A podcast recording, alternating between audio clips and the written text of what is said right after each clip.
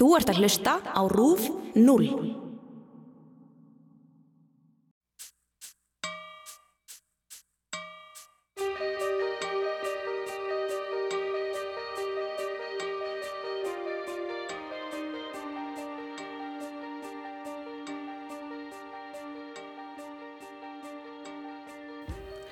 Að hafa einhvern til að líta upp til sem maður tengir við er gríðarlega mikilvægt.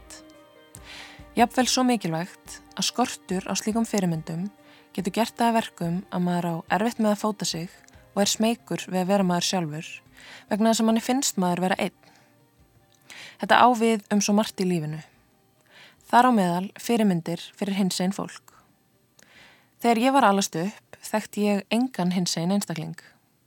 Páll Óskar var eini samkynniði maðurinn sem ég vissi af í íslenskum popkultúr en þegar ég var komin vel á unglingsárin komst ég að því að Sigga Bintins var einnig samkynneið.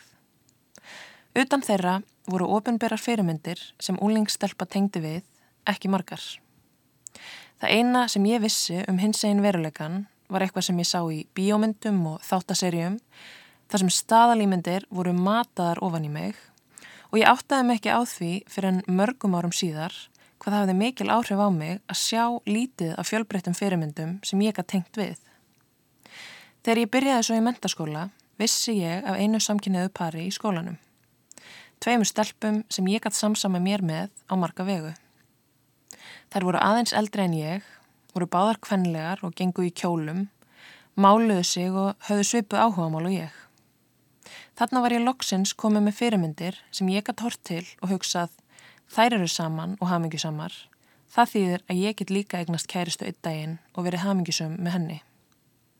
Það er nákvæmlega þetta sem gerði það að verkum að fyrir þremur árum ákvað ég á samt Marju eiginkonu minni að stopna hinseginleikan, fræðsluvettvang um hinsegin fólk hér á landi, til að fjölga fyrirmyndum fyrir ungt hinsegin fólk. Og ég þakka fyrir í dag að hafa látið vaða Því fyrirmyndina sem við eigum eru svo ótrúlega margar og að draga þær fram í dagsljósið og varpa frekara ljósi á þær er eitthvað sem ég veit að skipti sköpum fyrir mig og svo marga aðra.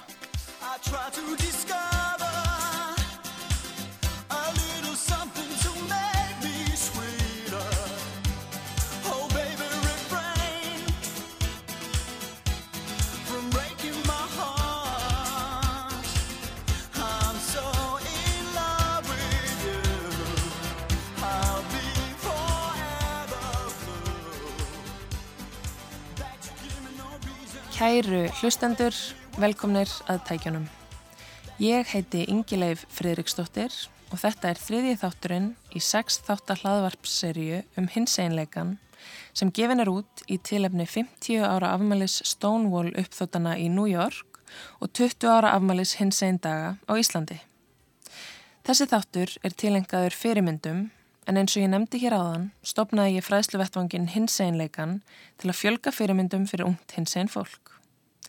Hins einleikin hófst sem Snapchat-rás og varð síðar að þáttaserju hér á Rúf en lifi nú góðu lífi á Instagram. Það er einmitt þar sem ég leitaði til fylgjenda fyrir þennan þátt og bað þá að segja mér hverjar hefðu verið þeirra hins einn fyrirmyndir þegar þeir voru alast upp og koma út. Meðal þeirra sem sendi mér skilaboð var Alexander Aron Guðjónsson, 23 ára gammal samkynneður maður frá Akranesi. Í þessum þætti langaði mig því að leiða hans saman við eina af sínum stæstu fyrirmyndum sem auðveldaði leið hans út úr skapnum.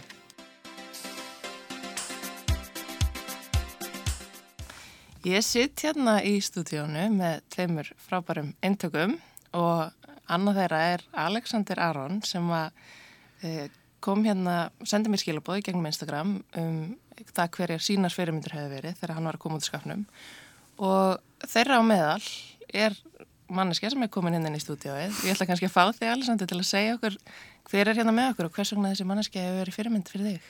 Já, um, þegar ég er í svona sjönda, áttunda bekk að reyna að fatta hver ég er í lífinu og bara svona mér er ekki að segja tilvist að kreppu en á bara svona erfiðum stað því ég bara skildi ekki mm.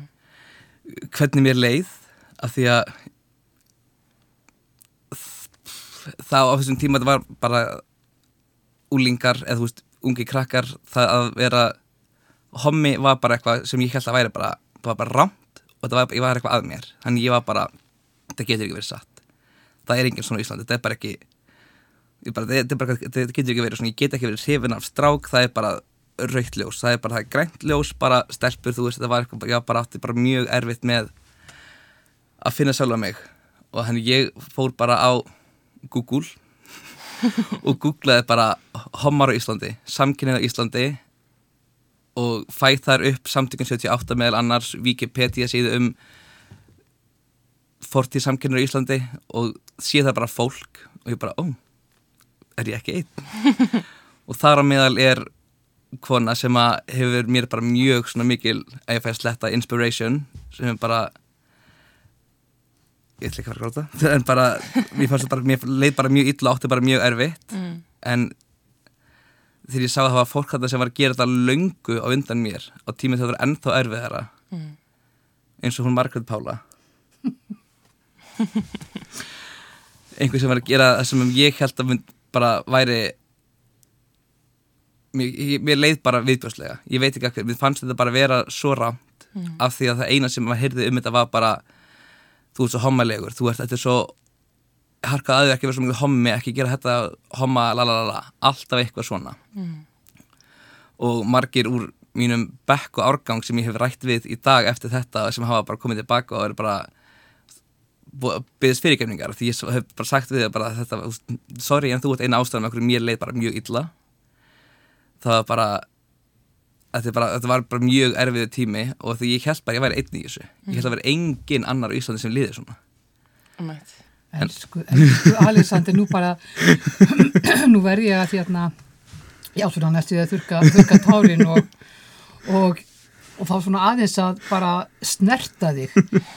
Við höfum, við höfum öll verið nákvæmlega þarna Já. að vera svona einn í heiminum og, og mikið óendanlega er ég bæði stolt en líka svona með mikla auðmygt í hjarta ef að einhver af þessum skrefum mínum með því að lífa bara opið sem lesbija og koma í fórsfær fyrir samtökinn 78 og, og stíga fram á þann hátt sem ég gerði. Mikið er ég óendanlega þakklátt ef það hefur hjálpað þér. Það gerði það, það bara... þá, þá verður þetta allt einhvers virði þegar Já. þú finnur að þú hefur náð að, að, að gera eitthvað fyrir einhvern einstakling það er bara eins og ég hef bara sjálfur einmitt, það er mjög margir einmitt bara spurt mig, bæði krakkar, úlingar og foreldrar hvort þau getur fengið að tala við mig, þeim líður einhvern veginn svona langar að þú veist, sker ekki alveg skilja, vilja tala við eitthvað sem fær í gegnum þetta. Bæ, bæði krakkar sem bara spurtum bara, aðeins var ræðað við þig spyrja bara einhvern spurningar, eða þá foreldra sem að þú veist, er að eiga bæt sem komið á skáprum og bara, hvað get ég gert til að þeim líður sem best? Og ég er kannski mjög heppin, þú veist, ég, það segja allir eiga bestu fólöldir heimi, en ég bara ég auðvitað segja það líka, því það var alltaf mínu heimil talað mjög jákvægt um samkynneið, alltaf þetta var bara, e, þetta var ekkert mál. Bara eitt besti verið móðu minnar og frenda hennar var samkynneið maður. Og þetta var alltaf mjög jákvægt talað um þetta, mér fannst þetta samt svo erfitt, af því að utan heimilisins var þetta eins og þetta væri eitthvað ránt mm. Þetta er svo djúbstætt já. og við skulum heldur ekkert halda að, já fyrir gefið ég þurfti að ræskja mig þetta, en það setur tilfinningarnir í gang að fara aftur í þennan tíma. En þetta, það er alveg sama.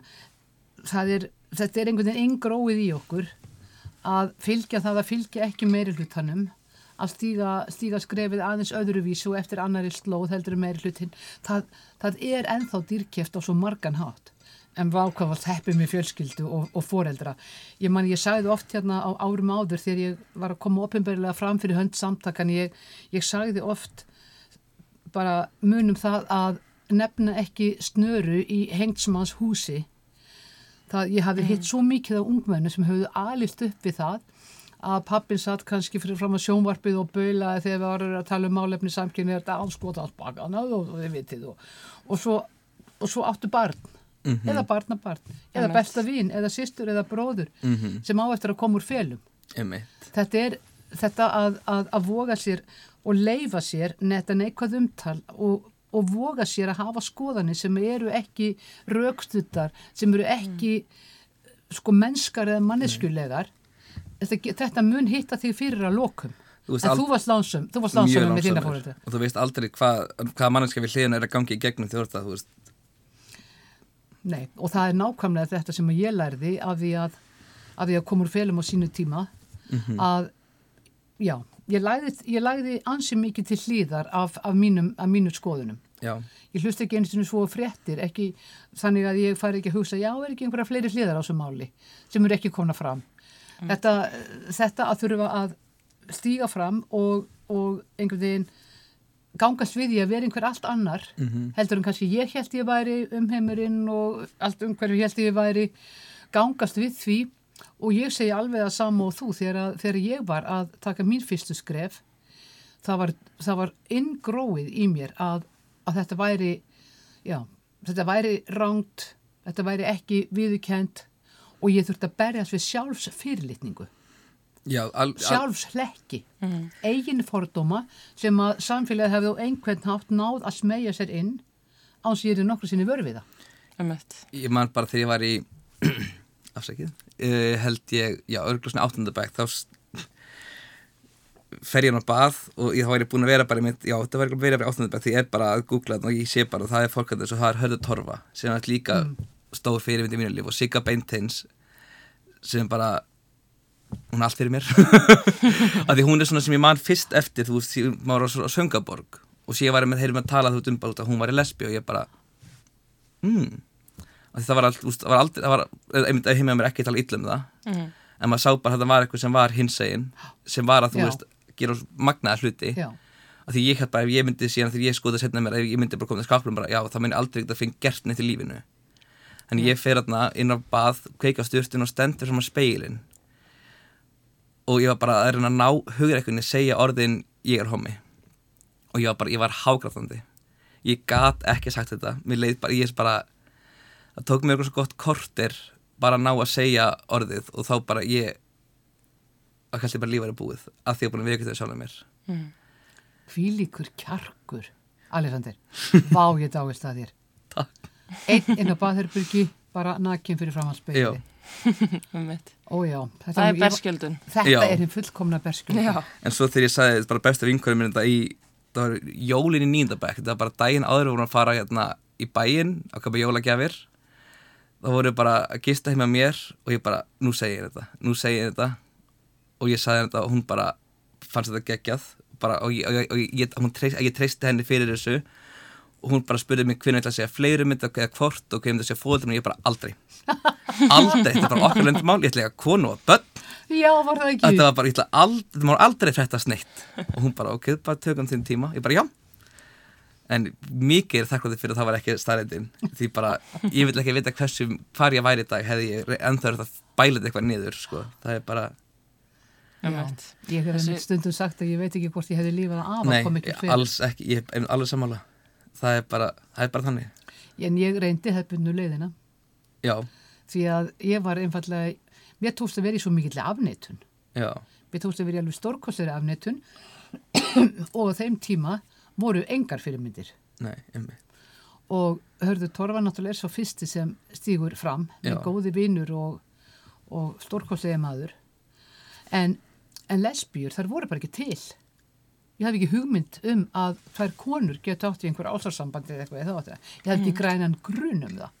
Komandi að norðan og, og það var, og einhvern veginn bara hafa þetta, hafa þetta smegst inn og ég held bara að ég væri frekar óhamingjusamt ungmenni og mm. óhamingjusam ungkona þótt ég væri komið mann og barn og já, búin að koma okkur upp, við búin að koma okkur upp íbúð og ég er búin að klára nám, ég skildi bara ekki því en ég var alltaf svo ólukkuleg. Ég hétt bara það, en ég náði að vera í algjöri afneitun, ég hefði ekki getað staðið ein inn á herberginu og það er svona dáið síðan kjarkið þínu. Ég dáið staðunum ég þurfti bara að fara á merkjað fyllir í með konu sem ég var ástofngin af án að af því. Til þess að, til þess að bara, all, til þess bara að skilja hver ég var. Já, Mm. En þá líka gekk það hratt. Já, Emme, þá, þá hrinja vegginir svolítið kannski svona niður bara. þeir hundu mjög vasklega. Emme, ég tengi rosalega við þetta að þessi feluleikur, já, Já. og einhvern veginn gagvart sjálfum sér og maður fattar ekki eins og maður sé í Nei. svo er kannski fólk í kringum hann búið að átta sig á þessu og maður er sjálfur bara, nei, nei, nei, nei hva, hvernig þetta þetta til hugar? Ég er bara alltaf að deyta mín að stráka og hvað meinar þau? Já. ég, nei, getur ekki verið.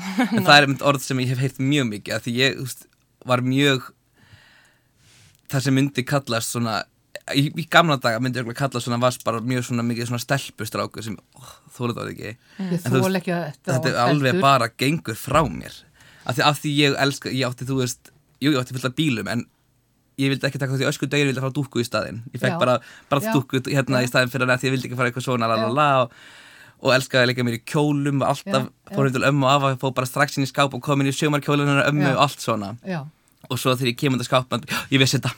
Ég bara, nei, þú vissir þetta ekki þú, þú grunaði eitthvað. En á meðan ég vissi þetta ekki, vissið þú þetta ekki. Einmitt. og þess að fólk hefur sagt bara, þetta var bara umræði bara á kaffistofu. Og ég bara Bara, ok, Er það viðeigandi? er það viðegandi er og er það líka viðigandi að ef að strákur sýnir ekki alveg þess að dæmigerðu strákahegðun Mhm. innan gesalappa er ekki í þessum alvöru strákaleikjum og alvöru strákahegðun að Innan þá- stóra gesalappa. allir hinnir og þeir eru margir. Já, hvort sem þeir eru homar eða ekki Mhm. sem að hafa bara áhuga fullt af öðrum hlutum en þeirra karlmennsku bara afgreitt, hún er ekki nógu góð. Einmitt. og það er þetta sem að ég er sem er kannski æfistarfið mitt að reyna Já. að, að vinna með þá hugmynd að, að bæði kvenleikin hjá stúlkum og svo konum og það sama hjá drengjum og körlum að við getum stækkað þennan ramma. Já, það er ekki bara, það er ekki er það ekki eitthvað bara af því að leika sér að dúkkum? Eða ekki allir drengir eftir að verða eða mjög margir allavega eftir að verða pappar já, eða frændur, einhverstaðar munu þeir einhvern tíma þurfa að passa eitthvað lítið barn eða þannig er ekki bara gott að æfa sig. Einmitt. Akkur leika stelpur sér ekki með bíla? Stelpur eru að keira bíla Nákvæmlega. alla daga. Einmitt. en við erum í svo þröngum kassa auðvitað, já, já, og þessi umræð já, er hann ekki bara hommi Einmitt. ég frétta nú, hann hefur bara verið í, farið í sumarkjól þegar hann lítill heima hjá ömmu sinni. Ó, krakkar, krakkar og að, og, að, og að það kom í kynnið við það líka svo biturt. Þetta er bara börn að leika sér. Já, Af því að kynnið þetta kemur um eitt kynneið bara ekki neitt við. ekki, nei, þetta er bara það, hluti, það er bara leikföng og litir það, Já. það, þú getur ekki, þetta er ekki kyn það er kyn Nei. tengt þessu er Og svo ekkert einmitt- kyn tengt þessu kemur þetta á móti sko hinliðin af peningnum að ég manna þegar ég var að koma út Já. þá var, fekk ég svo mikið bara en þú ert svo kvenleg Já. Ó, já, það- já, en já. byrju, þú veist, Já. það helst ekkert í hendur að Nei, vera nei. kvenleg og Nei, að vera veist, það er bara nei, þú verður að vera trukk að lesa já, Já. bara bara en þú varst alltaf að, í dansi og legstir með svo stelpulega hluti, Já, það er, já. þú veist, þetta er eitthvað á skjön er- þá er það heldur ekki er, það er ekki heldur vegna þess að fólk byrjar að búa til þessa kassa Mhm. og stráka stelpunar og stelpustrákarnir, ég þóli heldur ekki þessi hugtök. Er, þetta, er svo, þetta, er svo, þetta er svo skelvilegt og það er þetta sem takmarkur okkur mest. Mhm. og, og þessi rammar, þeir lifa bara fín alltaf lífi ennþá, þið er bæði ung. Ég, er, ég kem út á skápnum hvað 1984 Mhm. árþar sem ekki gleymist. Nei, alls ekki. En þetta, þetta hefur ekki breyst, þetta er ennþá á þessum stað þessi þröngu hlutverk. Já, En, en bara svona smá uppeldisfræði, eitthvað til gags og gamans, af því ég sé að þú áttu vonu barni. Já, já, með það, takk fyrir þetta er stórkostlegt. Það var eitt af þeim réttundum sem við þurftum bara að afsala okkur. já, já, Það var, það var, ansi, það var ansi mikið af svona fæðingar rétti okkar sem þegnar í íslensku samfélagi sem við þurftum bara að henda. Já, og við gerðum það. Einmitt. Við fórnuðu hverju sem var bara fyrir okkar sannleika. Já, en sem betur fyrir heimurinn hefur breyst.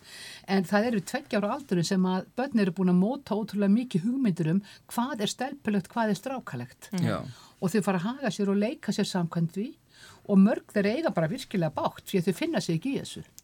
Kynneið er, hún er aftur á móti að móta hún er, hún er, má segja trúlega móta kringum 5-6 ára aldurinn. Mm. Þannig þetta hefur ekki, það er ekkert sama sem merkið þannig á milli, hvorki fræðilega nýja út á reynsluða nokkrum hlut en samt er haldið í þetta. Já, já, þú var stelpur strákur. Þá verður þú hommi, alveg pott Já. og þú var svo fennleg, sko, þú hlýtur að vera normal og þetta væri nú allt í engar, engar ágjur að hafa þér. Hugsið ykkur, hugsið ykkur, hvernig er þetta með út fólk í dag? en svo er líka alltaf bara, það er alltaf að tala um annað sem ég þól ekki er ef að bara, ef að lítið strákur tekur bara hendur þess að þetta eru algjör í þessi framtíðin alveg bara, ég bara andluða hjörtum bara, þetta eru lítil börn. Þú veist, að þú getur ekki verið að, ekki verið að kyngera það að þau séu að strúka eða þú veist, leika sér bara saman. Einmitt. eða eitthvað svona, veist, bara við, ég get sagt ykkur krakkar svo margar bæði íslenskar og erlendar sögur að börnum bara í dag. Uh, ég veit að krakkar sem koma frá okkur hjá hjálpsefnunni mm. sem er strengindan okkar virkilega hraustur og flotti drengir og kunna líka alveg að faðmast og eru óhrætti við að tala og sína tilfinningar. Uh, ég hef hýrt það frá einu skóla sem að grunnskóla sem tók við nokkurum drengjum frá okkur og kennarinn hafið orðið á því þetta er nú að þeir eru alltaf að faðmast er þetta ekki aðeins, bara er þetta nokkuð heppilegt? Það myndi enginn segja þetta.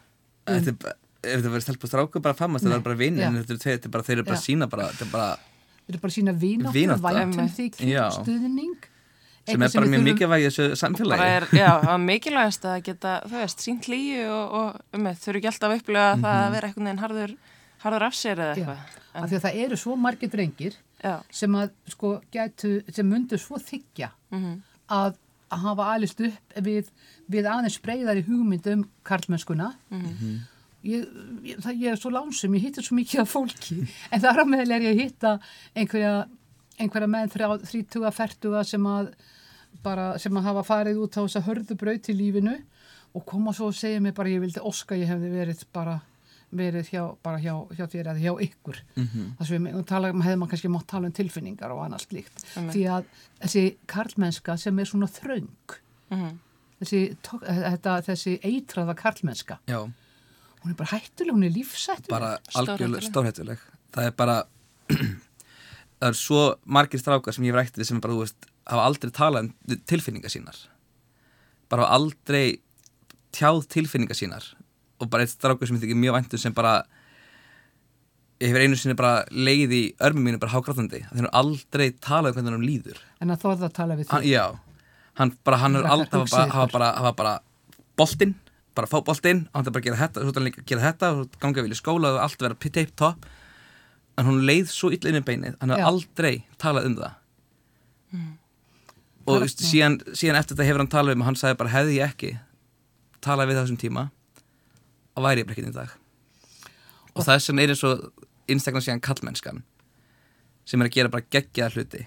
Já, já, alveg Já, bara, og já. með, ekki bara hún það er húst kallmennska og það eru fáið og það er hinsegleikin það sem að börn geta fengið, eða úlingar og krakkar og börn geta séð í dag og fundið sér svo mikið auðvöldar að finna sér eitthvað fróðleik um það ef þeim líður illa eða líður eitthvað þú veist, öðruvís en að gesa lappa að því bara eins og þegar þú ert að þessu það er, einmitt, þú veist, það er ekkert þá.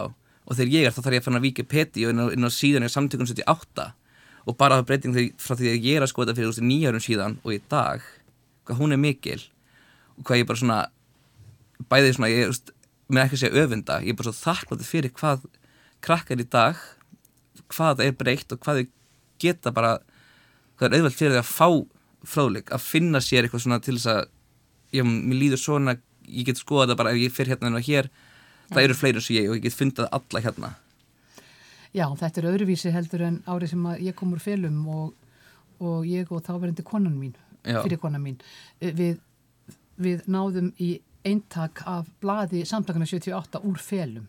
Já, og það var og bara, og sátum bara svona bara bakvið byrguða glugga með þetta eina blað. Við rötuðum fljótt til samtakana já, en þetta þetta var, þetta var samt ótrúlegt hvað feluleikurinn var mikil já, ég var út í Nóri þetta sumári og inn í bókabúð og rekst á, á bók um tvær konur sem hafði búið saman og voru komnar úr felum. Já. Og ég var alveg svona skjálfand að skoða bókinu og svo þegar ég fór að kaupa hann inn í norskri bókabúð ein. Ég þurfti, ég hef örgulega keift hennar 15 bækur til að geta Falið halið þessa þessa einu þarna á milli og ég þurfi vona að sko, engi, sko afgriðsu konar myndi taka eftir neinu. Þetta var svona, þannig að þessi, þessi féluleikur og, og allt það sem að auðvitað, við erum búin að breyta. Þið Já. eru hluti af þessari bylting og þú situr hérna, ung kona átt von á barni, ert að tala um að koma úr felum og, og þitt líf. Þú ert búin að stíga fram og þú ert búin að vera, þú, ert, þú hefur verið fyrirmynd fyrir þína vini, já. streyt vini sem að þóra ekki að takast á við þessar tilfinningar því að fyrir okkur sem höfum farið í gegnum, farið í gegnum þessar sjálfsafneitun og viðurkenn okkur, það verður svo margt annað svo auðvelt.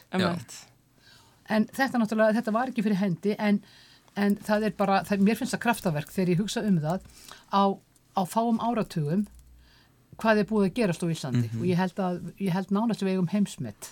Ég held í að það. hafa breytt viðhorfi Algjörlega. þjóðarinnar. Og þegar ég hugsa um, um allt þetta fólk líka sem komu undan mér og, og hérna og, og alla þá sem voru í felum og, og þeir sem höfðu náð að skapa sér eitthvað nafn að þeir, þeir bara þeir komu, þeir komu ekki út úr skapnum þeir bara lifðu í felum. Og ég hef nú sagt við Jóhannu Sigurðar vinkunum mína sem ég met afskaplega mikils, svo ekki sem er að sagt. En ég var alveg sagt að við hana að ef hún hefði komið úr felum á, á sínu tíma þegar að þegar ég gerði það að hennar tími í pólitík hefði verið búinn. Já.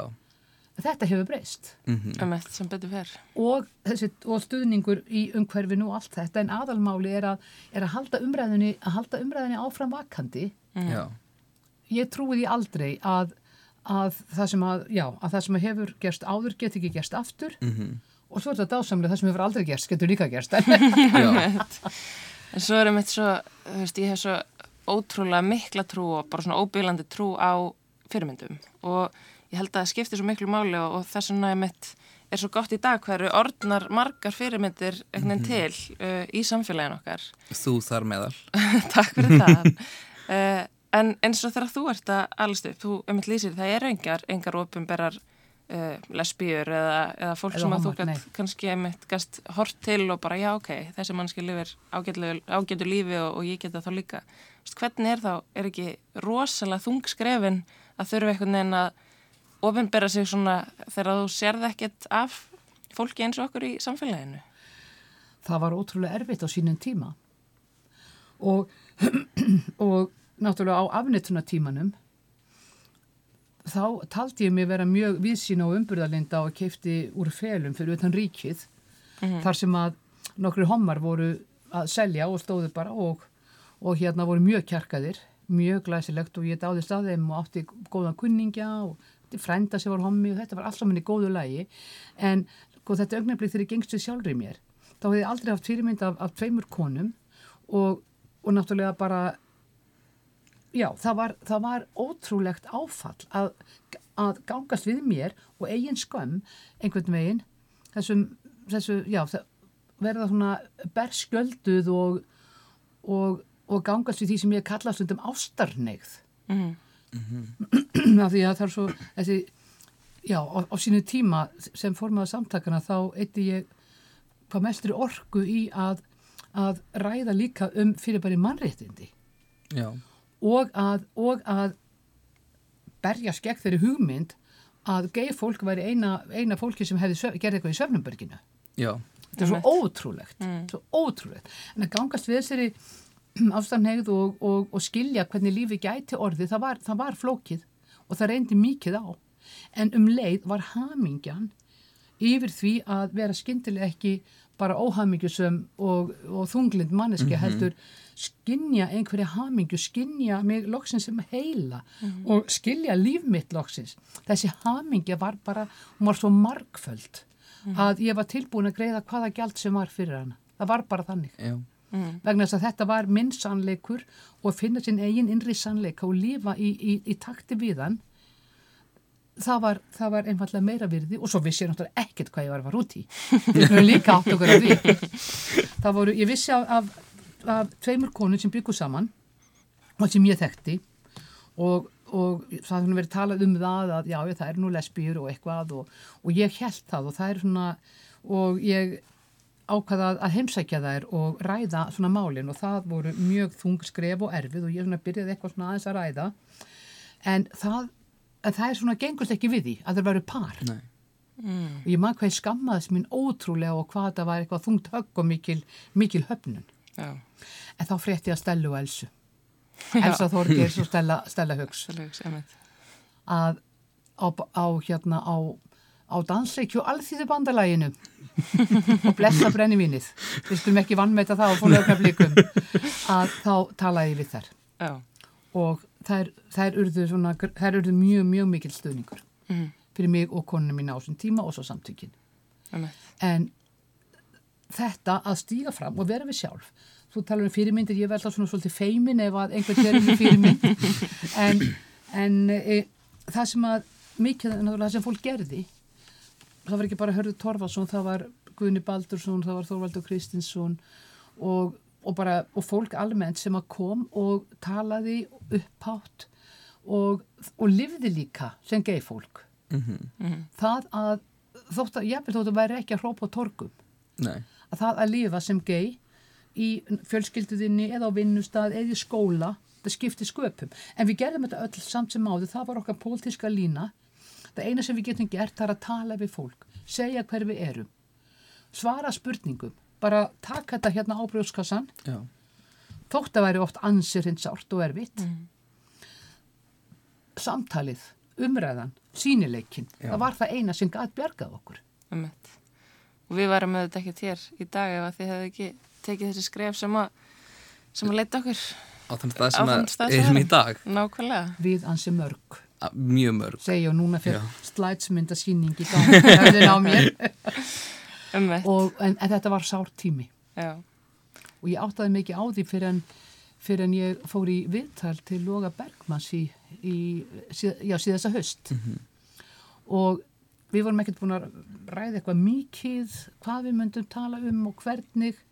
Ég bara treyst honum mjög vel og hann var nú í hópi þeirra, þeirra þess frettafólks sem þorði að standa með okkur á sínu tíma, það voru ekki allir. Nei, og, og við förum bara svona á dýftina, á þessa líðan, hvernig það var að vera að berjast við eigin tilfinningar og á sama tíma að, að finna hvernig, hvernig sko fordómar og, og hérna vera reikin úr húsnæði, upplifa að vera argað og eftir mér á götu með þessi heitupottunum, Mm. skiljiði, fyrir utan náttúrulega þjóðkirkjuna og, og stopnanir og ríkið og lögjöfina og allan pakkan að þetta var tilfinningarlega ótrúlega sásöki já, en það tókst loga þá sínu tíma ég bara, ég grét. Já. Þú hefur nú nokkur sem horta þetta við Jú, talast að segja. jú, jú, tísar eða þrísar Nei, þessi, það, það er það er betra heilt en, en velgróið Já. Já, en ég er þó lánsum því að margir, margir fóru, fóru miklu, miklu verð já, og við vitum á tímum alnæmisins að ef það hefði verið streyt karlmenn sem hefðu glýmt við alnæmi á þeim tíma Mm. umræðan hefur allt önnur um það verið allt önnur og, og rannsóknir og lífjagjafir og þróun og annars slíkt hefði verið á ljóshraða Bara en ekki eins og það var Já, það að vera, en ég segi samt alltaf Mm. ég þakka öllum strákunni sem við mistum vinum okkar og, og okkar fólki, okkar þjóð Mm. fyrir það að samviskan vaknaði þegar þjóðkirkjum var tilbúin í að, í að, tilbúin í að grafa þá en var aldrei til í sálusorgum stuðning eða viðurkenningu. nei, Akkurat. Þá fór svona aðeins að ríkta í, í stóðum hjá mörgum sem höfðu left sér já, að ganga, ganga fram af hörku og neikvæðinni. Mm. Þetta var ótrúlegu tími. Ég trúi því og þetta er einhvern veginn, maður getur ekki alveg sett sig í sporin í dag uh, hvernig þetta var á þessum tíma en mér langar bara að segja takk þakka ykkur öllum fyrir það að hafa raut þess að brauta því að við vissulega værum ekkert hér í dag. Alls við sætum ekki. ekki hér og værum að spjalla um um fyrirmyndir ef að, ef, að, hérna, ef þessi braut hefði ekki verið raut ég vil bara, þess að takk sé bara ekki nóg stórt orð eitthvað, ég bara það er ekki til orð sem gætir mögulega líst bara þakklætinu. Mm. og bara þakklætinu og bara bara ekki orð eitthvað neginn. Að fyrir það geta verið maður sjálfur af því að einmitt, e- ekki það ég hef mjög litlu mótlætir svona sem hefur hint mig og mjög lítið svona eitthvað hatur eða vesen eða eitthvað út af því að vera samkynnaður en þegar maður einmitt heyrir bara og veit bara af þessu strákurum að borginni og allt þetta skilur Já, og frendi mig þar að meðal eitt þeirra og, hérna allt þetta allur þessi hópur. Allur þessi segi- hópur sem Ég tek undir ykkar orð. Ég segi líka takk. Já, til allra sem að voru undan, alla sem voru með mér, við ykkur já, og náttúrulega bara við Íslands samfélag því að það hefur unnist kraftaverk. Hvergi annars það er geiprætt bara fjölskyldu og þjóðarhátti nei, nei, til þess að sína stuðning við bara fjölbreytileikan í sinni víðustu mynd. Hvernig finnst þér þá eins og sjá sáum þetta, sjá út Reykjavík frá því í dag og frá því að þú ferð á þína fyrstu eða, bara, eða ferð á fyrstu hérna á Íslandi, munurinn? Þetta er að, aðeins búið að stekka, þetta er aðeins svona, já, ó já ég var með í fyrstu göngunni þar sem við vorum. 69 talsins ef ég mann rétt. Já, og fórum niður lögavegin og, og fólk snýri sér undan. Já, og síðan á, já, ansið margar upplifanir síðan þangað til, þangað til árið 96 sem voru svona þessi stóru gatnamóti í okkar lífi. Og pride, ég, ég er svona hlæ og græt til skiptis já, og þetta er svo merkild að því að ég er nú svona, ég er venjulega gett að harka ágætlega af mér og verið með, verið með brinjuna Já. hér uppi. En þarna er þarf ég alltaf, ég fyrir alltaf að, að minnast allra þeirra sem við höfum mist og, og alls bara og, og sorgin og yfir allri þjáningunni sem að er að baki en um leið gleðin yfir hverju, hverju hún skilaði. Já, það er svo stórkostlegt. Einmitt. og fögnuðurinn að sjá allan þennan hóp, sjá alla hinsvegin dagana, já, sjá ekki bara einstaklinga, heldur bara opinberar stopnari, Reykjavíkuborg og sveitarfélögin, já, fyrirtæki, Einmitt. allt þetta fólk sem að sko vildi aldrei leggja napsitt við neitt sem tengdist okkur. Sjá skyndilega bara við, þetta er bara árið þjóðar áttak Einmitt. og þetta þjóðar áttak á að skýla svo mörgum fjölbyrtileika á öllum sviðum. Mm. Það er málið. Og þá verð ég svo glöð í hjartanu. Í. En þetta er svona alltaf þessi dagur á árið þar sem ég fer í gegnum. já, minningabankan. alla, gegnum minningabankan. Já. Og það er gott að halda nú til haga vegna þess að ég ítrekka. Við, það er aldrei, við erum aldrei í fullkomnu skjóli ef við höldum það. Nei. Og ef ekki við, þá er það einhver annar hópur. Mm. Ég hugsa um hælisleitendur á Íslandi í dag. já, Ég hugsa um fátækt á Íslandi. Mm. Ég hugsa um börn sem að lenda og unglinga sem er að lenda í hremmingum. Mm. Það er ekki alltaf, það, stundum er að, er að kynneið, en það getur, getur verið svo þúsund önnur mál já, og á meðan við sem samfélag erum að leifa, leifa einhverjum hópi að, bara ég segi henni að gæsra bara leifa. Því þú það þarf samfélagi til þess að leifa misrétti, til að leifa fátækt, til að leifa að senda fólk úr landi. Algjörlega. ég maður þegar ég var að reyna, var að reyna að kenna einhverjum fjölmiðnamanni það að mannréttindaleysi samkynneigðara væri sko minnsta áhyggju efni fyrir okkur mhm, lesbjör og homma Já. það væri miklu meira áhyggju efni fyrir samfélagið því að þú tekur réttindi af einum hópi fólks já, hvað svo? Einmitt. hvaða annar hópur gæti komið og eftir? Og hvað ætlar, einmitt, hvað, hvernig ætlar, hvað ætlar að taka hona þá líka, Ó, þetta er já, alltaf, og hvað er ætlar að enda og Einmitt. hvernig dregur mörkin? Ef að sumir mega, mega eiga erðarétt eftir makasinn og aðrir ekki ef að sumir mega, mega standa stoltir með, með makasínum og, og viðkenna samband sitt opinbörlega hvort sem það þarf ekki endilega að vera lögformit eða hvað það er Nei, nei. ef þú þarf að lifa sumum þá öðrum ekki hvað er ætlar að draga þessi mörg Já. Það er nóg eftir krakkar þannig að gay pride er alltaf fyrir mér þetta bara við sem samfélag við megum aldrei gleym þessu um leið og við erum að fara illa með eða taka réttinda af einhverjum hópi það er þá- bara, Þá geta snjóbolta áhrifin orðið Já. svolítið Já, mikil. já. Sko. og þau eru svakaleg Já. þau eru svakaleg Líka ef að bara samfélag leifir þetta. með það að, hérna, að þú veist, eins erfitt og það hefur verið að, að fá fram þessu réttindi þá er alveg jafn auðvelt að kippa þeim í burtu Bara- mhm. með einu pennastriki sko. Já, og sjá hvað er að gerast erlendis. Emitt, ójá, það er, það ójá er krakkar. ótrúlegt sko, já, ójá, það er máli ræðilegt. En finnst ykkur við sem þjóð ekki bara að vera að standa svolítið í lappina líka gagvað geifólki og að vera, já, ég sem samkynniði maður held ég að það sé bara með betri stöðun til að búa því nú hef ég ferðast mjög mikið og er til dæmis núna að vinna í Rúslandi já, já takk. er að vinna, það sem er með, þú veist. Er það góðu staður fyrir Mm. homma? ekki beint en það er, mynd, er, ég, er ég ekki ég sjálfur bara upp á mitt eigið öryggi. Af því að maður veit alveg hvernig þetta er þar sem er mynd, mjög erfitt að þá líður mér svo að fara aftur í tíman bara Já, þó ekki nema nýju ár að sem ég bara sé litli hætti strákurinn í baðherbyggina að segja þessi orð já, en það er mynd að þurfa að fara þarna og vinna ekkert ég vinna með mjög góðu fólki sem að stýði mig alveg en maður er í landi Já. það sem að þetta er bara, þetta er bara ógeðslegt Mm. þetta er bara fyrirlit þetta er bara, þetta er bara þetta er bara litið niður á mann fyrir þetta já. En Gamla það er- Ísland, Mhm. gamla Ísland. En það er ég bara í vinnungaranum bara ekkert annað, ég er Já. bara, úst, það er bara ég er ekki, ég, ég er sjálfur þar, það er bara að vinna Já. og ekkert meira. Og það er dýrkeft að fá ekki. Algjörlega, bara að það vera. einmitt að, sjálf, eða þú sjálfur. að fá að, þú veist, vera með makarnum sínum út á götu og leiða viðkomandi eða, þú veist, bara einhvern veginn að fá að upplifa öryggi Já. í eigin skinni. Það er náttúrulega mjög sorglegt að, að finnast maður vera sviftur því í, einmitt hvort sem maður er í vinnu eða ef maður er á ferðalögum líka bara. Já. Já, Það er, það er eitthvað sem er pínu skeri hérna. hugsaður ekki um það þegar þú ert erlendis Jú, með konunni Jú, þinni algjörlega. Já. Það er, mér finnst það mjög óþægilegt að, að svona finna fyrir þessu. Já. Að því að hérna er maður, Já. þú veist, þegar maður er búin að koma út og við búum í þannig samfélagi að mér Já. finnst bara, ég upplifa mig mjög öruga hér, Já. En að upplifa þetta óöryggi aftur, það er með tekum mann aftur í þessa, Mhm. þessi bara fyrstu skref sem að maður var að taka einhvern veginn og þegar maður var að koma út úr skapnum og maður vissi ekki, var óörygum með sjálfa sig.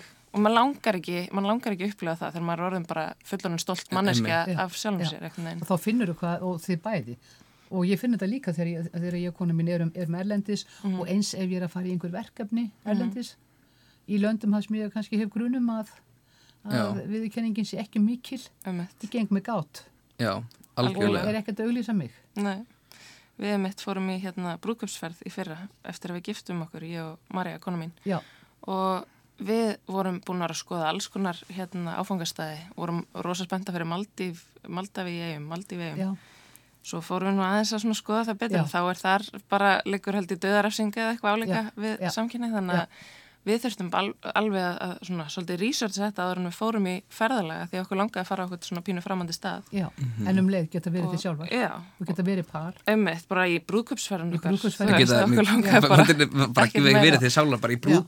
En þetta er bara með sem það þarf að gera, ég er bara með dyrka að ferðast, elska Mm. að ferðast og ég er alltaf bara úmlokkar hingað og það er gagkinnið fólk bara panta flug fer, ég fer bara, ó þess að það er hérna Já. síðan finn ég staðin og ég bara þarf að finna bara út. Sé Já. bara hvernig er þetta að líða þarna? Hver eru reglurnar, hvernig er viðþorf úst, ekki bara reglurnar en hvernig er líka svona viðþorf fólksins? Einmitt. og við bara þess að ég fór í þryggja vikna reysum bandareikin þegar hann appi svona kalla nýjórinn fórseti og það var einmitt, ég var bara frekar stressaður fyrir þeirri ferð. Já, því hún, hún við plönum alltaf bókum ég og einhvern mín áður en að þessar kostningar fara fram. Mhm. við plönum þessar ferð í byrjun oktober, november og förum í ágúst árið eftir. Og hafi verið vantilega að rekna með að vera þá í ríki Hillary Clinton. Já, það var planið. hefði verið afskaplega eftir soknum það var alltaf planið. Verða að gangast við því. Já, vá, það, en, munurinn. og bara um þetta fara þarna, þú veist, að milli og þau förum með mitt yfir, við vorum í Los Angeles þar sem við mitt Los Angeles tala um bara að þetta er hérna út er mjög gay borg, bæði hún sem San Francisco endum í þeim tveim borgum. En LA er líka hérna bara tilværi staði fyrir fólk sem er heimilislust, það er alltaf heitt þarna. Og að sjá bara stöðumann spæði sem bara þú veist hvítur íslensku maður hvítur íslensku maður sem Já. hefur það gott á Íslandi. Því þú veist, maður lappaði þarna um downtown Los Angeles sem er bara í hverju einasta skúmaskoti er tveir, þrýr, fjórir undir teppi saman. Löpum fram hjá hérna LGBTQ bara center þarna sem er bara, þú veist, það var bara þvílíku orðin sem er búið að graffa þarna á og bara af því þarna var þessi bölvaði maður orðin fósiti og það ríkt að þetta var bara aftur orðið, ég, ég var bara ég bara var þetta smyrkilega svona Mhm. þú skinnið þetta svona sterkt Já. já, Bara hatrinu fengið að já, já. það fekk bara hatrið bara, bara eitthvað leika, leika lausum hala sko. Já. þetta er nefnilega svo og því leitinu þegar, þegar þið talið um fyrirmyndir. Já, og en bara áhrifa fólk hvort sem er í pólitík eða hvern, á hvern veg sem við náum einhverjum áhrifum. Þetta, er svo, þetta er svo hættulegt þegar að þegar er höfða til okkar lægri kvata því að eins og við sem mannskeppna getum verið stórkostlega góð og dásamleg Mhm. fyrirbæri, það er með ólíkindum. En ef að, ef að, ef að óttin næri í okkur þá bara eins og við, við rökkum bara 20.000 ára aftur í tíman já, verðum bara döð hrættar ræætur og bráð á sléttunni sem að allir villitir vildu geta. Já. Við bara förum einhvern Einmitt. og þá er, kemst engin geska að. nei Og það að höfða til óttans í okkur, það er hægt að ná honum upp. Einmitt. Það er alveg einfalt. Já. Og það er oft auðveldara að samina fólk gegn einhverju, heldur, heldur en með einhverju. Einmitt. Þannig að ég skil alveg að þú hafið skinnjað þetta en, en þetta er, já. En á Íslandi er okkur óhætt Já. á Norðurlöndunum.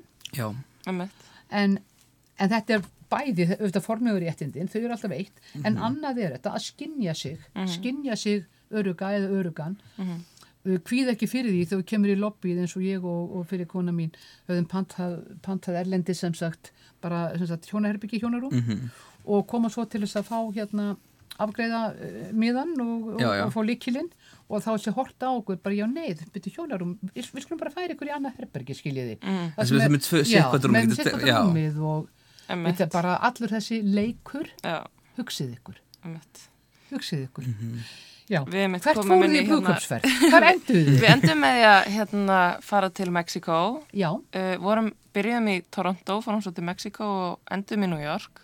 Og í New York meira segja, Já. skinja ég þetta. Við fórum á comedy klubb og hérna, Mhm. og það var eiginlega bara ekkert verið að grínast. Það voru allir eiginlega hálf sorgmættir, bara já, já, það er náttúrulega ástandi hérna er, er bara eins og það er og það var mikið Já. svona veginn, mikið svona þyngd yfir, fannst mér einhvern veginn samfélaginu. Já. En einmitt út í Mexiko, þá komum við, við vorum búin að panta svona honeymoon suite, Já. eitthvað skonar og hérna, og það átti að vera eitthvað svona, eitthvað svona, hérna, brúköpsferða trít á, á herbygginu. Svo komum við inn á herbygginu og þá vorum við tvö rúm, bæði reyndir alveg tvöföld, en tvö rúm Já. og ég eitthvað, þetta er nú eitthvað skrítið. Já. Og við förum og tölum Já. við þau í lobbyinu og sögum bara, við erum hérna í brúköpsferð og það var ekkit, ekkit brúköpsferða trít, eitthvað sem maður var að átt að vera.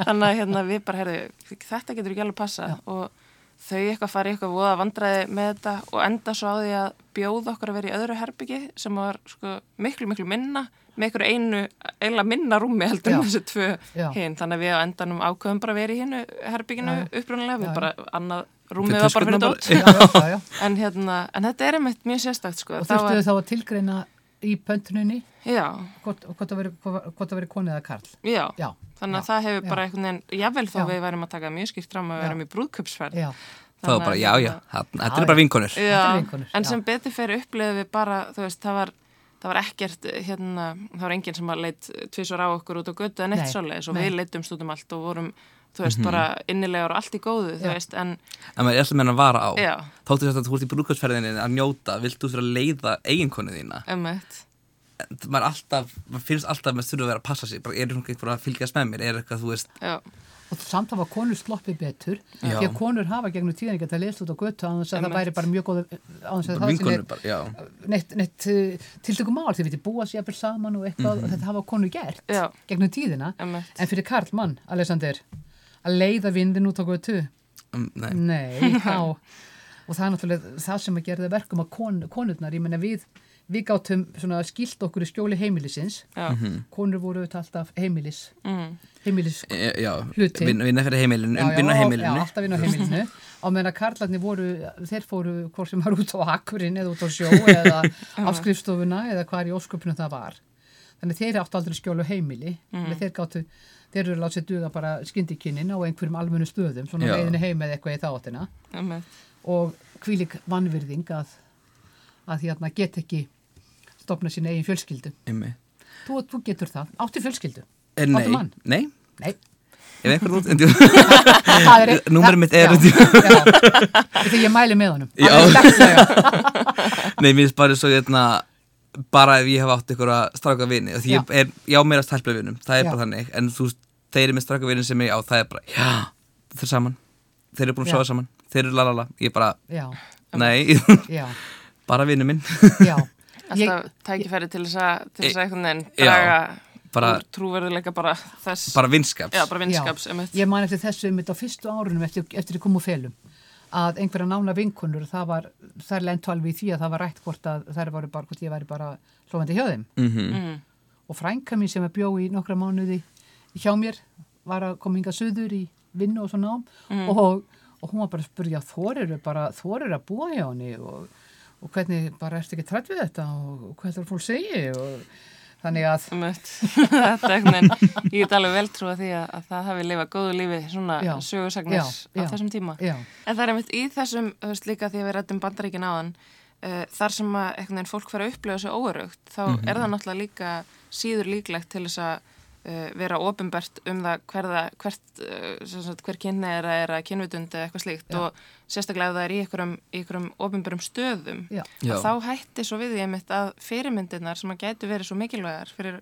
unga fólkið Mhm. að þær séu bara ekki reynilega að fá að vera þær sjálfar Mhm. og ma- ég óttast þetta svolítið þú veist að því að maður hefur séð það í bandaríkjunum að það er bara reynilega að, að hérna, flækjast fyrir fólki rosalega eh, ef það er veist, fyrir samkynniða konu að fara í pólitík að hún bara þjappa sér frekar enn í skápin þrátt fyrir einmitt að, að við séum búin að, búin að færast miklu framar heldur en við vorum að þá er að verða aftur fyrir hana. Þú segir bara sem er reglur bara með þessu allar þessi nýju reglur um fóstureyðingar. Já, nákvæmlega. Ég bara, ég á ekki auka teki nákvæmlega. Og í öll, það er bara eins og bandaríkja í öllum þessum uh, hérna stöðum og þeim sem eru að taka þessar ákvarðanir hvítir kallmenn að taka ákvarðanir fyrir fólk sem þeir eiga ekki að taka ákvarðanir fyrir. Það mött Ég ætla bara að það býti tungur mér bara núna ég ætla já. bara að áðurinn ég bara missi mig. Jafnaðu, jafnaðu, jafnaðu Þetta er neitráða kallmennska Þetta er neitráða kallmennska mm. sem gerur út á 8 og meiri 8 og þetta er svo merkil þar, og, svo, og svo segir alltaf já, já, þannig bara er ekki homma, þetta er allstaðar og konunir er bara yfirtaka öll störf og Einmitt. bara við erum bara komin, bara komin í vörð, bara karlmenn með okkar og allt þetta. Og þá verðum við svo oft hugsað til, til drengja því að sko karlmenn og drengir er svo vanir því að lífið sko útluta þeim alltaf meiri hlutanum af öllum af öllum, þeir sjá þetta ekki. Og konur sjá þetta ekki heldur. En hérna, bara gamansaga frá leikskólanum okkar Laufásborg þar sem að við fórum út í að vera með út til leiksvæðið sko, kynjaskipt. Já, það er að segja, kennarði bara fóru að taka eftir því að það var komin svona ótrú, að þau börn sem völdu út í leik að þau voru orðin mjög hefbundin í leikjum, fólk að fara að sjá allt þetta sama við þekkjum úr erlendur rannsóknum. Mm -hmm. stelpunna var að leika sér meiri fyrir húsveikina, strákunni meira að taka aðalsvæðið og, og þeir voru meira klifrandi og allt þetta og, og kennarði bara, já, nú þurfum við að taka þessu. Þetta er greinilega ekki nógu gott. Nei. og það er engin múr, það bara líka stíkur í gegnum garðin og það var ákveðið annar helmingurinn fyrir strákan í mánuð og svo fyrir stelpunnar hinn helmingurinn skipta eftir mánuð vegna þess að þetta eru ólíkir já.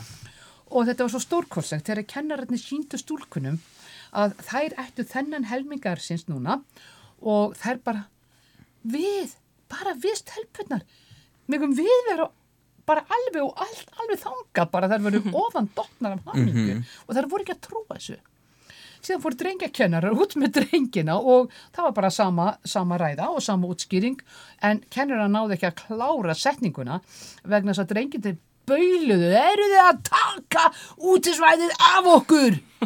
Þeir fengu helming. Þannig að hvítir karlmenn með toksíska karlmennsku stór varasamir og eiga bátt, eiga mjög bátt og eru mjög hrættir að ef að ef að þeir eru ekki lengur með yfirgnefndi meira hlutan af öllu, þá fara þeir á taugum. Ef einhverjir hommar og kettlingar og, og einhverjir hérna af öðrum kynþáttum, tölum nú ekki um einhverja muslima og ég veit ekki hvað og hvað, þeir að ógna þeirra 75% af heiminum, þeir fara í panik Einmitt. og, pa og þá kemur óttin og þá kemur vonskan. Þetta er rosalegt. En hugsið ykkur, við sjáum þetta hjá litlum drengjum, þetta er búið að smegja sér inn, samfélagi nær að smegja inn, alveg eins og það náði að vera búið að smegja þeirri hugmynd inn hjá þér að það að vera hommi, að elska, að elska karlmann, að það veri ljótt og viðstyggilegt. Það er eitt að elska aðra mannesku. já. Er það ná þessu? Er það Þess vegna fór ég að tala um já. vegna þess að mér fannst að svona, á, vegna þess að þessi skýrskotin í kynlíf ég meina þú getur að lifa kynlífi með einhverju stelpu og, og ég meina ég get alveg teknilega að lifa kynlífi með einhverju karlmanni en það snertir aldrei mínar dýfstu og innstu tilfinningar Nei. og þess vegna snýst þetta og þess vegna fyrir mér alltaf fundið sem sagt kyn negð vera á margan áttu villandi orðalag já. Ég, skil, ég, skil, ég skil hvað meina með ástæðanhegð því að já, Þú veist, ég, ég er ekkert með manni bara því ég vil tróða hjá honum Nei. Ég, veit ég, ég, Nei. að mönnum bara þú veist bara það er bara allt allt það er bara allt það er ekkert bara einhver Nei. einn hlutur neðan, Nei. be- neðan belti Nei. sko, það Nei. er Nei. bara allt. maðurinn Já. þú veist og það er einmitt það sem að svona margir oft virðast ekki skilja sem að, sem að eru mótfallnir því að, að fólk fá að vera eins og það er. Já. að Æ, þetta snýst Ó, já, já, áfram með söguna. Snirtilegt Já, að hérna, þetta snýst bara um lífshamingi þetta snýst bara um það Já. að fá að vera hamingjusamur Já. og líða vel og vera með manneski sem að maður elskar. Kynlífið mitt, það er bara örsmár hluti af einhverju í þessu stóra samingi, Já. þetta er Já. svo merkilegt hvernig það er alltaf, og sérstaklega mitt held ég að ég held að hann hef upplifað sem lesbía að lenda Mm. Já. mjög mikið í því að fá kommenta og spurningar um eh, kynlíf af því að það er búið að eh, þú veist, Já. kyngera einhverju lesbíur Já. svo svakalega mikið Já. í einhverju klámi algjörlega og það er bara fólk, kallmenn sérstaklega hafa, veist, margir kallmenn sem hafa bara einhvern veginn vaðið upp að mér og Mario og farið að spurja hvernig kynlífi stundum sem að mér finnst alveg Já, ótrúlega merkilegt. og örgulega fengið mörg tilbúð Já, já, já, já, hann er bara ekki svo er þetta stráknum, ég var bara, hún, var bara ekki að prófa að sögja konu, bara, jú, og það var bara ekki fyrir mig, Já. bara alls Já, ekki. þess að við sem er- erum gay, við prófum hefbunduleiðina. Já, mhm. Já, En já, þeir sem eru á hefbunduleiðinni, þeir eru ekkert að hafa ágjörð ég fengi alls konar spurningar sem ég fengi, Já. ég sagði, "Hef- hefur þú prófað hitt? Þegiðu. Emmi, Já. ég menna ég held að emmitt langstæstu hluti hins einn fólks hafi reynd að lifa eftir þessu normi þessi er svona, Já. the paved way, svona, Já. þessi Já, já. er einmitt normið aðna. Ég er mitt bara í mentaskóla, ég man eftir að alla vinkunum mínar verandi sko að falla fyrir einhverjum strákum hægri vinstri Já. og ég var alltaf bara, já, ég skal prófa að vera með en það bara kvikna engar Nei. tilfinningar, ég er bara tilfinningar þarna. það er bara allt dögt og, Og það er, svo og, það er það sem er málið, er tilfinningarleysi og óhamingja. Og þú skilur ekki hvað er að gerast hjá vinkonu þínum eða vínum. Er, já, ég mætti vinkonu mínu þegar ég lá bara og las og sag, við vorum að fara í sjallan og sagði þreytulega með reglulega millibili. Æslar, er ekki verið búin að mála ykkur, er ekki verið tilbúnar? Og það er í einhverju mega spenningi fyrir einhverjum strákum að gera sér ótrúlega fínar og fara í sjallan. já, Já, já, en ég prófaði og sem betur fyrir ég var, ég var lánsum sko þetta var þannig fyrir norðan að það þurfti bara að gera ákveðna hluti til að vera fullorðin. Mhm. og það þurfti að reykja. Annað var bara auðmyggjaskapur og það tók mér mjög langan tíma. Ældi og ældi og slagaði upp gílið, þið vitið. En ég gafst ekki upp, mér tókst að læra að reykja. Svo þurfti að drekka brennivín það var líka mjög fyrir kvíðanlegt en ég harkaði það af mér og þegar ég vaknaði eftir fyrsta fyllir í sem hefði alveg átt að sína mér að ég og áfengi ættum ekki mikla samleið þá hugsaði ég, já, ég ætti ekki verið þetta, ég get haldið þessu áfram. En þá var það nummer þrjú og það var erfiðast og það var að sofa hjá.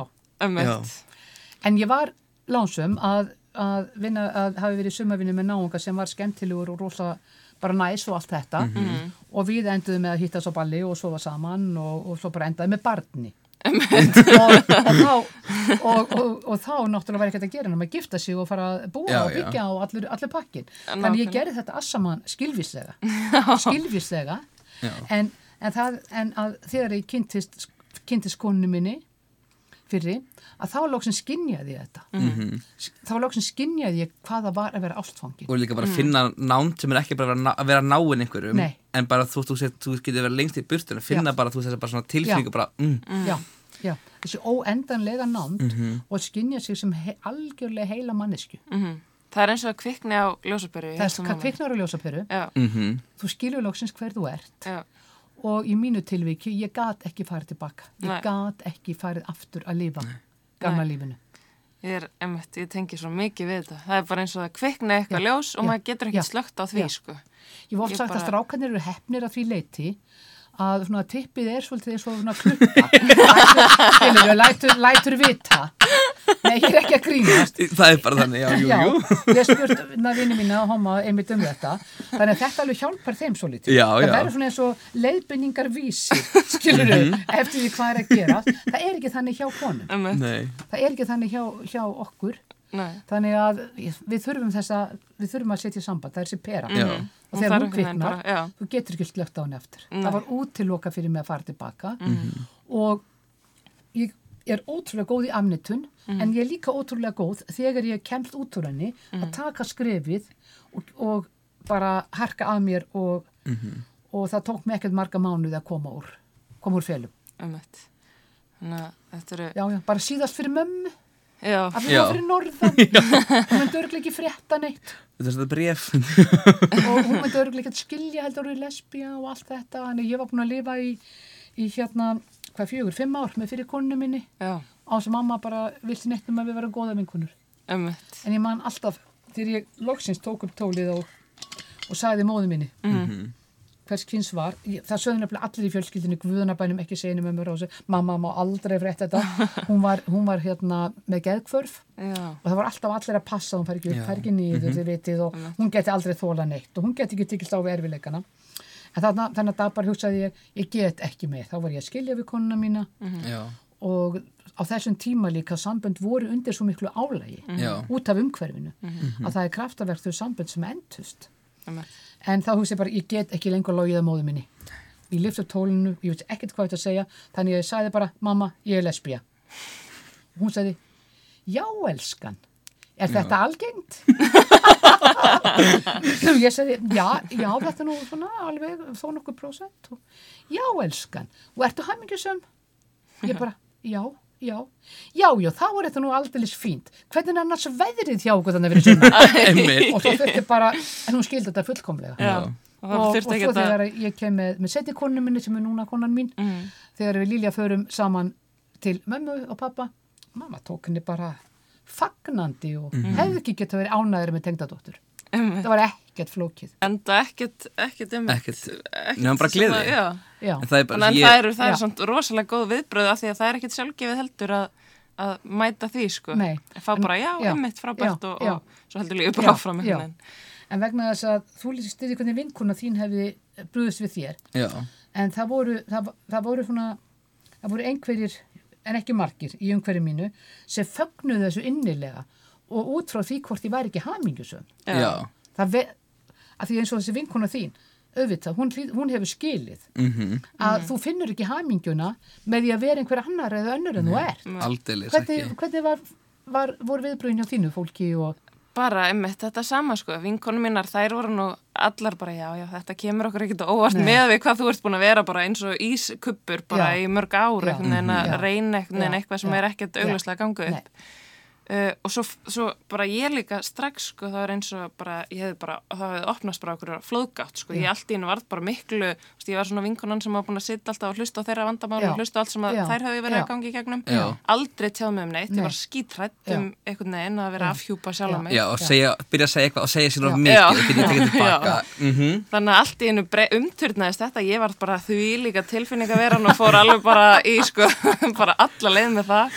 og já, þær sáu líka bara strax hvað þetta breytti Mm. Já. miklu fyrir mig og þær voru allar bara þvílít hamingi samar og hérna og fannst þetta bara ekkert annað en stórkvæslegt ég var skítrætt um það fyrst að Já. þeim finnist óþægilegt held að ég veri hrifin af þeim Já. eða Mhm. myndi ekki vilja fara með mér í sund Já. eða eitthvað, þetta Ó, var alls konar já, svona já, pælingar sem komu já, en sem hugsa- betur fyrir hefur það aldrei haft neina áhrif Nei. og ég líka bara varð ástfangin af Marju sem að ég hef Já. verið með í bara sex ár síðan Já. þá þú veist Já. þannig að það hefur bara einhvern veginn, Já. já, ekkert, ekkert haft neinn Nei. áhrif á Nei. neitt sko. ég var alltaf, var alltaf bara, bara ég get ekki sagt að ég vill ekki ef að ég verði bara mikið að fara inn í klefan fyrir íþjóttatíma eða fyrir sund Mhm. eitthvað, ég, að ég mun ekki geta Já. að fara þangað inn já, en ég ákvað líka bara leið og þegar ég segja síðan bara okkur, það má, ef það fréttast, það bara fréttast þetta er allt í góðu Mhm. ég er alveg, ég er alveg Já. tilbúin í þetta að fara að fréttast já, þá ákveð bara, ef það er einhver sem er bara ekki að Já. fíla mig eins og ég Já. er þá er það bara manni sem ég þarf ekki lífið mitt og þá er hún bara að merkja sér bara að það er bara flott þá þarf, þarf ég ekkert að tala meira við Já. þig og ég kallt að ég myndi vera bara með bara lista, bara þessi er farin, þessi er farin Já.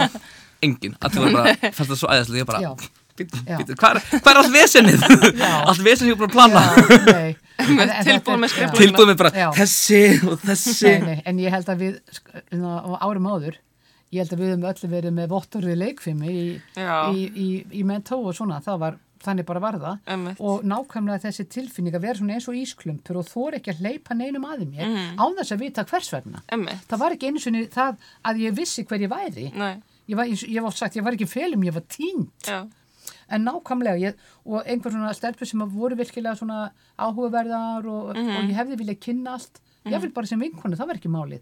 En ég var bara döð hrætt við að hleypa þeim að mér. Já. döð hrætt við það, Ótrúlega- ég var algjör nagli Já. og ég var ótrúlega mikið grimmildi hérna á þessum tíma mann ég ég var bara mjög hrætt Mhm.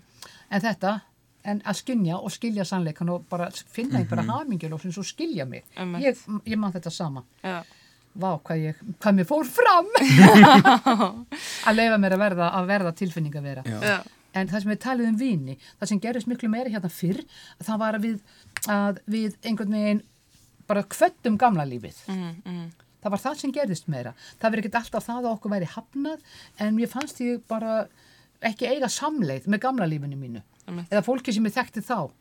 og fólki sem hafði þekkt mig sem bara gifta konu eða vinkonu í gamla dag eða eitthvað í þá áttina og þetta gerðist sjá okkur mjög mörgum við einhvern veginn bara fórum í aðra átt Já.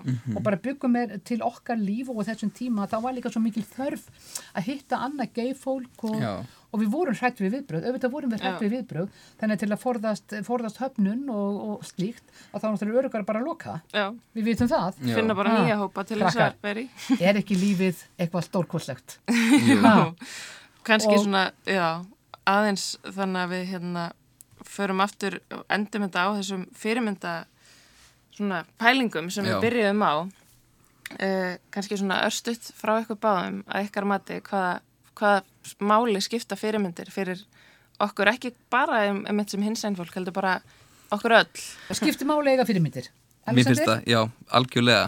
Bara, mér finnst það gera bara mjög mikið bara, sérstaklega ef þetta er eitthvað sem tengir við að sjá að það er ykkur aðri sem að kannski hvort sem að sé út frá einmitt bara þessu og þetta, ég var ekki einn eða hvort það sé eitthvað tengd íþróttum að sjá bara að geta stemt að einhverju eða sjá þetta ekki einn í einhverju að að það eru söngverðar, bara geta eitthvað sem vil, syngja vel, að það er eitthvað sem syngur vel þú getur stemt að vera svo þessi að, að vera með markmið að ná jafn langt og þessi, að líða jafn vel og þessi eitthvað svona, hvernig sem að það snýst þessi fyrirmynd.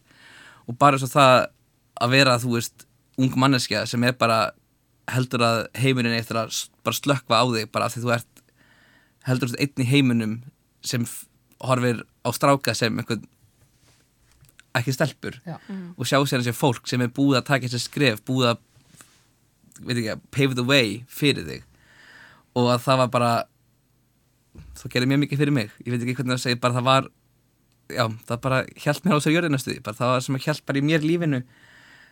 Voru þú veist einmitt þú var sigga hörður þessi sem ég svona fyrir 53 stóra nöfn sem ég finn þarna.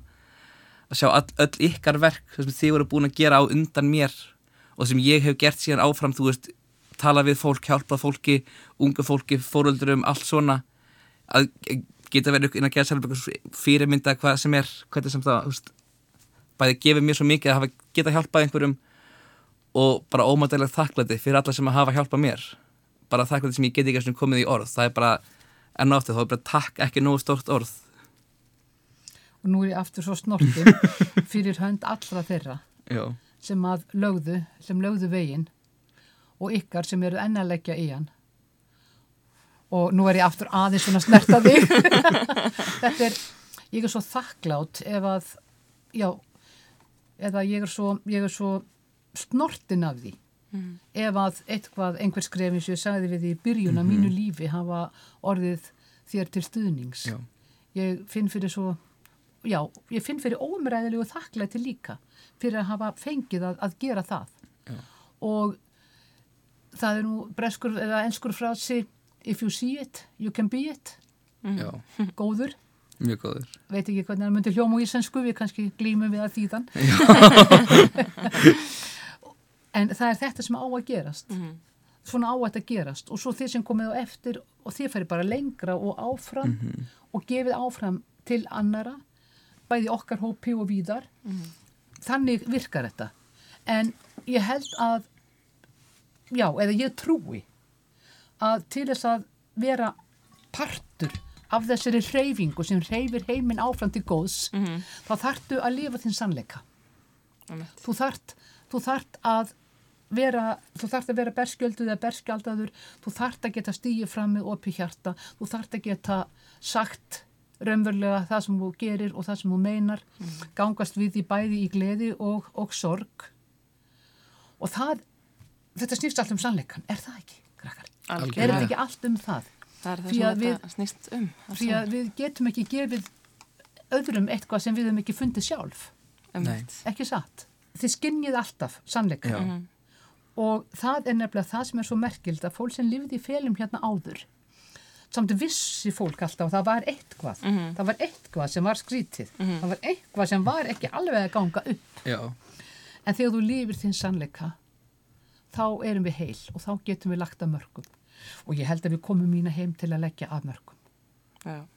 þannig að takk fyrir að hafa fengið að vera bútur, einn, einn lítill steinn í þessum vegi fyrir betra heimi fyrir okkur öll. Takk fyrir það og takk fyrir að vera að halda áfram. Þið að fara lengra en við fórum. bara takk svo mikið sem leiðis og, og, Og ég vildi að ég geti já, ég vildi að ég geti hérna útskýrt uh, þessi fallegu moment sem eru búin að eiga sér staðin inni. Nú er Alexander komið tári í augun þetta er, þetta er allt sem hann hann er fann að gráta, já, bara segja það eins og er. Þetta er og ég er með gæs Já. augunum Þetta er ótrúlegt og þessi orka sem hefur verið hérna með ykkur hérna inni, þetta er alveg eila óutskýranlegt þannig að mér langar að þakka ykkur bara alveg ótrúlega mikið fyrir. Takk Takk fyrir allt sem að þið hafi gert og haldið áfram að gera. Og takk fyrir Takk að koma inn og deila þessu með okkur. Og takk fyrir að hafa fengið að vera með ykkur dásamlega unga fólk. Bara takk. Sem við leiðis ótrúlega gaman og, og gefand að fá að spjalla við ykkur. Til hamingjum í lífið. Sömuleiðis. Ooh, somewhere og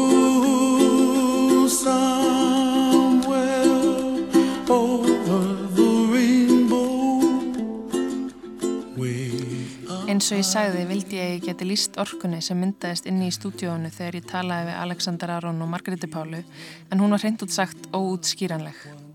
Mér langar að þakka þeim kærlega fyrir og svo langar mig að enda þennan þátt á að lesa upp nöfn mikilvægra fyrirmynda úr íslensku samfélagi sem hafa lagt sitt af mörgum í baráttunni.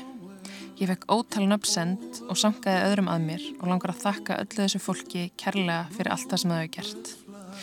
Takk Hörður Torfason, Jóhanna Sigurðardóttir, Páll Óskar Hjálmtísson, Anna Kristjánsdóttir, Hans Jónsson, Margrét Pála Ólafsdóttir, Ugla Stefania Kristjánudóttir Jónsdóttir, Henry Steinn, Haffi Haff, Embla Guðrúnar Ágústsdóttir, Felix Bergson, Alda Villiljós, Marja Helga Guðmundsdóttir, Marja Birta Bjarnadóttir, Guðmundur Kári Þorgrímsson, Stella Haugsdóttir, Friðrik Ómar Hjörleifsson, Binni Glí, Þorvaldur Kristinsson, Ásta Kristín Benediktsdóttir, Íris Ellenberger, Hanna Katrín Friðriksson, Ragnhildur Sverrisdóttir, Sigga Birna Valsdóttir, Bríett Finnsdóttir, Gógó Star, Rafnhildur Gunnarsdóttir, Kitty Andersson, Andrea Jónsdóttir, Bergþór Pálsson, Veturliði Guðnason, Baldur Þórhalsson, Heimir Már Pétursson, Anna Pála Sverrisdóttir, Gunnlaugur Bræði Björnsson, Alexandra Brím, Unsteinn Jóhansson, Guðni Baldursson, Þórir Björnsson, Þorbjörg Þorvaldsdóttir, Inda Gestsson, Reynir Þór Eggertsson, Oddvar Hjartarsson, Katrín Oddsdóttir, Jónína Leósdóttir, Vala Grand, Róald Viðar Eyvindsson, Daniel E. Arnarsson, Hilmar Hildar Magnúsar, Alexander Daniel Guðlöksson, Stefania Tara Þrastadóttir, Eithór Óli Borgþórsson, Ragnhildur Hólm, Rakel Tómasdóttir, Úlvar Viktor Björnsson, Guðjón Ragnar Jónasson, Sindri Sindrason Sigursteinn Sigurbergsson. Takk þið og öll hinn sem hafið lagt ykkar að mörgum. Takk allir sem hafa starfað sem sjálfbóðlegar fyrir samtökinn 78 og hins einn daga og takk þið sem haldið áfram að halda kindlinum á lofti. Takk. I love you.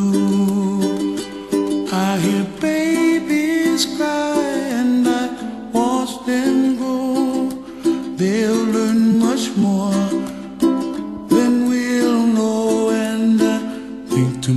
what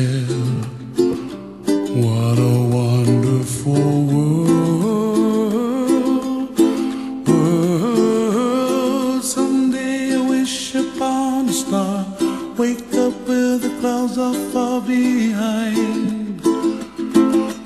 Me will trouble melts like a lemon drops. High above the chimney top, that's where